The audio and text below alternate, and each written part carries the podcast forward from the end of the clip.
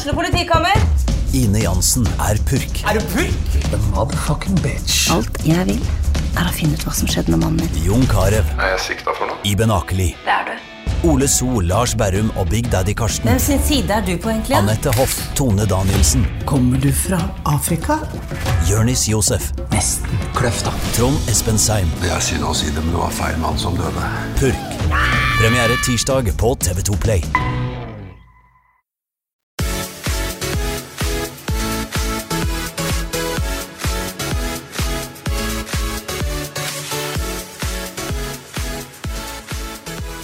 Elisabeth. Hei, Britt. Velkommen til andre episode av denne nye podkasten vår 40 feit og ferdig. Og i dag så er vi på Nes Arena i Nes.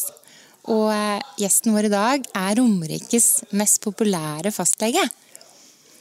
Og hun heter Berit Rimstad. Og eh, hva mer vet du om henne?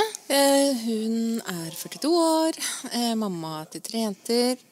Eh, hun driver praksisen sin her i Nes. Og nå har vi akkurat vært med henne på eh, en PT-time. Oh my god. Ja. og hun er eh, Jeg tror kanskje hun er eh, en av Romerikes sprekeste leger òg. Vet du hva? Hun er jo et råskinn. Det får en si. Ja. Og når vi ligger som slakt utenfor gulvet, står hun bare og tripper ut og venter på neste øvelse. Dere må gå inn på Instagrammen vår til Romerikes Blad og se. Altså, ja, det er morsomt. vi er ikke så spreke. Ikke vi skal bli det.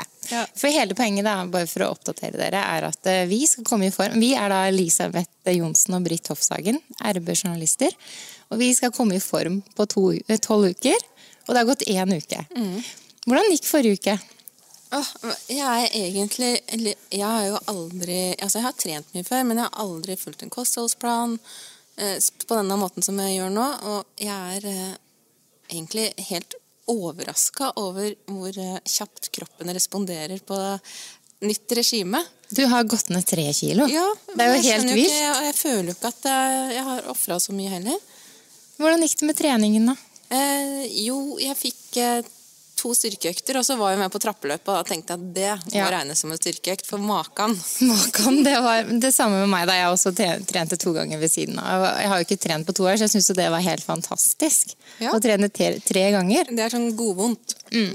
For min del i hvert fall. Men eh, jeg, jo, jeg har jo slitt med å gå opp og ned trapper eh, siden torsdag, da, og i dag er det mandag. Så det henger i, for å si det sånn. Mm. Det henger i. Og så spiser vi jo da helt vanlig mat, men eh, veldig kan vi si ren mat, da. ja. Ja. Bananpannekaker, da. Den oppskriften finner dere på Instagram. Em, den gomler vi på hver dag. Og brødskiver til lunsj. ja. Ja, fisk eller kjøtt og potet, ris eller pasta og grønnsaker. Aldri i mitt liv hatt så mye cottage cheese og sånn, sånn i bær og sånn i handlekurven. Nei. Men eh, ja ja, hvorfor ikke? Ja, men det som jeg, jeg må bare si én uke, så føler jeg at jeg allerede har litt mer overskudd av energi. Og her kommer eh, fastlegen.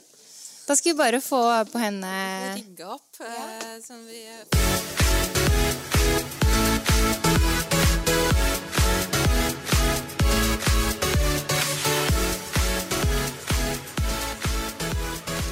Hei, Berit. Velkommen til oss. Tusen takk. Hvordan er formen etter treninga? Nå kjenner jeg har trent litt. Det, er en god følelse. Vi sa akkurat her at vi syns du er et skikkelig råskinn. Ja. Jeg, synes, jeg har i hvert fall veldig stor treningsglede. Og det Ja, er gøy det å bli pusha litt. Ja, hvis man blir pusha litt, så Jørn sier jo at um, hvis du er sliten, så klarer du i hvert fall 50% mer enn det du trodde. Ja, Der har jeg noe å jobbe med, kjenner jeg. Ja. Det føles litt tomt. Det er ikke så mye, føles ikke ut som det er så mye å hente ennå, men eh, det kommer seg. Og Jørn, det er da PT-en din? Ja. Ja. Som du bruker en gang i måneden? Ja. ja. Ja, men vi lurer jo på litt sånn Du er jo 42 ja om Ja. øh, noen dager. om noen dager. Ja. Hvordan holder du deg så sprek? Ja, jeg har alltid likt å være i aktivitet. Ehm, og eh, har jo en alt, ja, holdt på med barneidrett og litt forskjellig når jeg var liten og opp gjennom tiden. Og så har jeg perioder der jeg har trent veldig lite og ikke gjort så mye. Um, så fant jeg en, jeg traff en mann som Eller det er mannen min, da. Han heter, han heter Mats, og han holdt på med langdistanse. Og ble, jeg ble motivert av han. Uh, så når vi fikk uh, vårt første barn, så begynte jeg å Eller hadde, var egentlig i gang med å løpe, da. Eh, før jeg ble gravid da også. og når jeg var hjemme med henne i permisjon, så løp jeg jo veldig mye med barnevogn. Så jeg har løpt mye. Jeg har tre barn, da. Jeg har løpt veldig mye med de. Og um, løp på meg stressbrudd i foten og knekt barnevogn på tur, for den er utslitt av løping. Og litt sånne ting. Men det, nei, men det er jo gøy, det, da. Eh, at, eh, eller det er jo gøy at det blir en sånn konsekvens av at man har gjort det mye. Ja. Eh, og så har jeg en veldig god venninne hjemme som også er glad i å løpe mye. Så vi har løpt mye med ungene i vogn, og nå løper vi mye sammen. Og litt sånn Ja, vi kan løpe ut litt seint på kvelden av og til. og løpe en runde, løpe langturer. Og det er veldig motiverende og fint, da. Men ja. Eh, hvor mye trener du nå? Nå trener jeg eh, hver uke, da. Så har jeg som mål at jeg skal prøve å løpe til sammen fire mil. Og det er fordelt på én eh, intervalløkt på mølle, stort sett. Og så eh, gjerne to litt sånne ja, rolige økter på rundt ti km, og så en litt lengre tur. Og så har jeg én styrkeøkt. Og jeg prøver helst egentlig å få til to, men det Ja, i hvert fall én, da. Ja. Mm. Eh, når er det du begynte med PT? Det begynte jeg med for to og et halvt år siden. For jeg har jo ikke hatt noen trener. Jeg er jo egentlig ikke så veldig god i noe, bare sånn liker å trene. Og være med på litt sånne lengre ja, lengre løp og skirenn. Det syns jeg er artig, da. Men så er det litt begrensa med tid i forhold til barn og jobb og aktiviteter og ditt og datt, sånn som mange har det når man bikker 40, da. Mm. Eller når man er i den alderen. Og da eh, fant jeg ut at for å, eh, ja, for å få en litt sånn eh, kjernestyrke, da, eh, så var det bra å, å få hjelp til å ja, trene styrke så jeg ikke har vondt. Og det hjelper faktisk, altså. Ja. Det er ikke sånn vondt lenger i rygg og knær og hofter og sånn etter at jeg begynte med den form for trening. Mm. Men når på døgnet trener du, da? Jeg trener ofte tidlig. Ja, gjerne før jobb, og så våkner jeg kanskje tidlig på fridager og helger og sånn, så jeg får trent før de andre våkner, da. Jeg hørte at du også trener sånn når barna har lagt seg, sånn elleve om kvelden og sånn? Ja, det kan jeg også gjøre. ja, Men du lurer på, hva er det som skjer med kroppen egentlig når man bikker 40? Eh, når man bikker 40, så eh, Ja, så Man mister jo litt mer eh, evne, eller kroppen mister litt mer evne til å reparere seg sjøl mye, da. Altså det tar litt lengre tid å bygge opp eh, kroppen. Altså bygge opp Det som tar kortest tid å bygge opp, er jo muskulatur. Men det som tar lengst tid å bygge opp, det er jo senefester og sener og ja, det å, Så det å holde i gang, da, er veldig viktig etter at man blir 40. For hvis du slutter, så, så får du mer vondt, eller du kanskje takler vondtene Eh, du, du, får mer plager av de vondtene du har, da, og mer mm. begrensninger.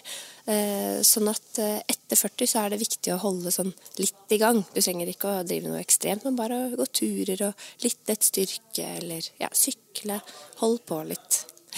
Så, så, kanskje sover man litt lettere. Altså Man får ikke så mye sånn tung søvn som tidligere. hvis man trener, så blir man jo sliten på en annen måte. Kanskje sover man litt lettere.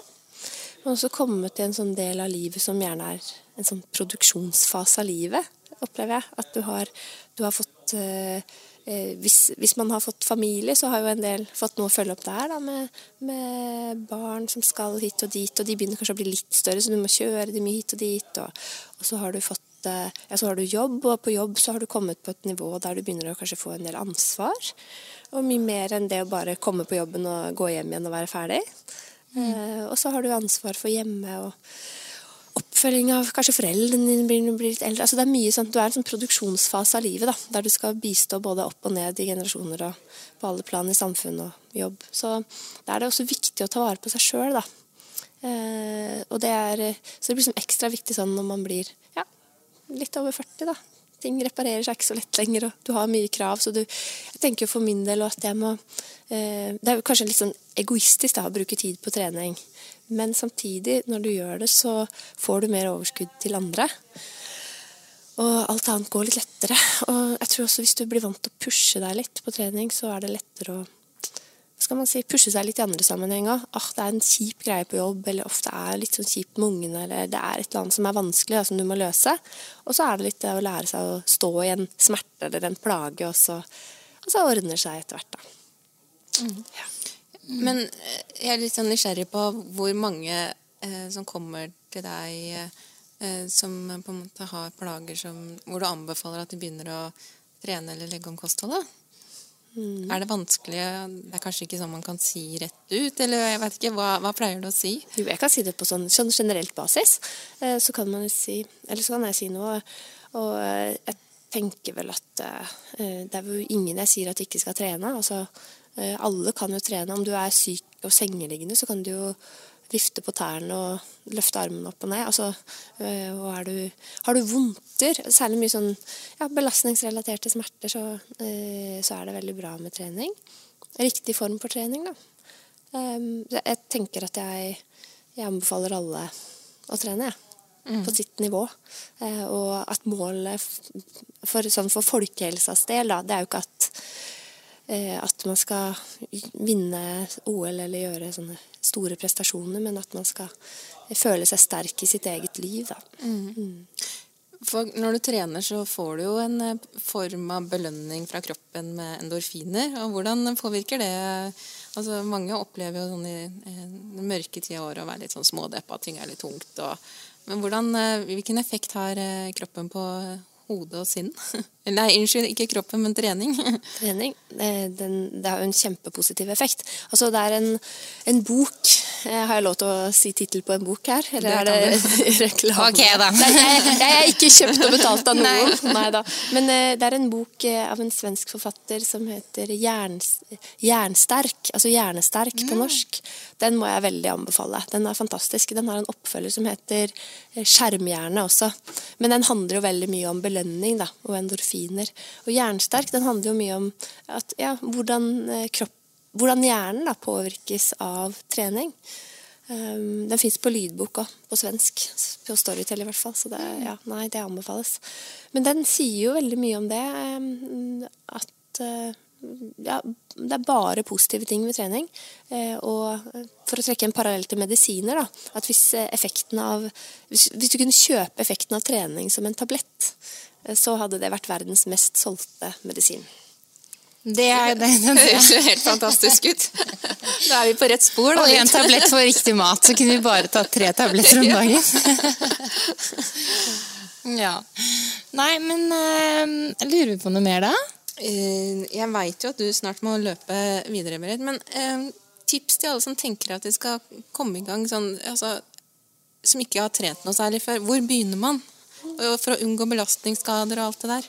Jeg tenker at eh, Hvis du eh, ikke er kjent med trening fra før, eller kanskje ikke har gjort det på lenge, det aller, aller viktigste er jo at du finner noe som du syns er morsomt. Hvis ikke så bare gjør du det, så er det ikke noe mer. Eh, og så er det noen ting man kanskje syns er litt strevsomt og kjedelig i starten, men når du først har gjort det noen ganger, så kan det bli gøy. Så ta utgangspunkt i der du er. Altså økonomi og ta utgangspunkt i økonomien din. De fleste har eh, ei jakke og et par sko som de kan gå ut en tur. Så det er bare å begynne å gå turer. Eh, hvis det er vanskelig å opprettholde det, ta kontakt med, eller gjøre avtale med en, en venn. Eh, sånn at du følger opp at du skal. Så ta utgangspunkt i der du er, både når det gjelder kosthold og aktivitet. Altså gjør noen justeringer som du Du må være ganske bevisst i starten, og etter hvert så går det av seg sjøl. Og så må jeg bare spørre helt til slutt. Hva, hva er målet ditt nå med treninga? Eh, tenker du på om jeg meldte meg på noen konkurranse? Ja, har du det? ja, eller jeg, mitt sånn egotripp Jeg går, har gått Birkebeinerrennet de siste to åra, så det, jeg meldte meg på i, i mars, da. Ah. Så, ja, er det rittet? Ja, det har vært kjempedårlig snø, da, eller snøforhold. sånn at uh, jeg har jo Jeg tror sånn kondisjonsmessig og styrkemessig at jeg er ganske i rute, men teknikken Jeg må ha meg noen gode skiturer i forkant, men ja, det, om ikke annet så er det en bra økt. Jeg lurer også på én siste ting, da. Det, drikker du vin? Ja, jeg drikker vin. Jeg Ja. koser meg mye. Jeg er veldig glad i god mat og søtsaker og vin. Og, men jeg er også veldig glad i eh, sunn mat. Grønnsaker og brød Nei, knekkebrød, grovbrød, frukt. Ja, så jeg Min sjokolade. Eh, Jeg tenker at eh, alt med måte. Og da lar vi det være siste ord, tenker jeg. For det var en veldig fin setning. Tusen takk for at du tok deg tid til å trene med oss og snakke med oss her i podkasten. Det var kjempefint. Ja. Lykke til på Virken. Heia deg, vi heier på Ja, deg. nei, heia dere, altså.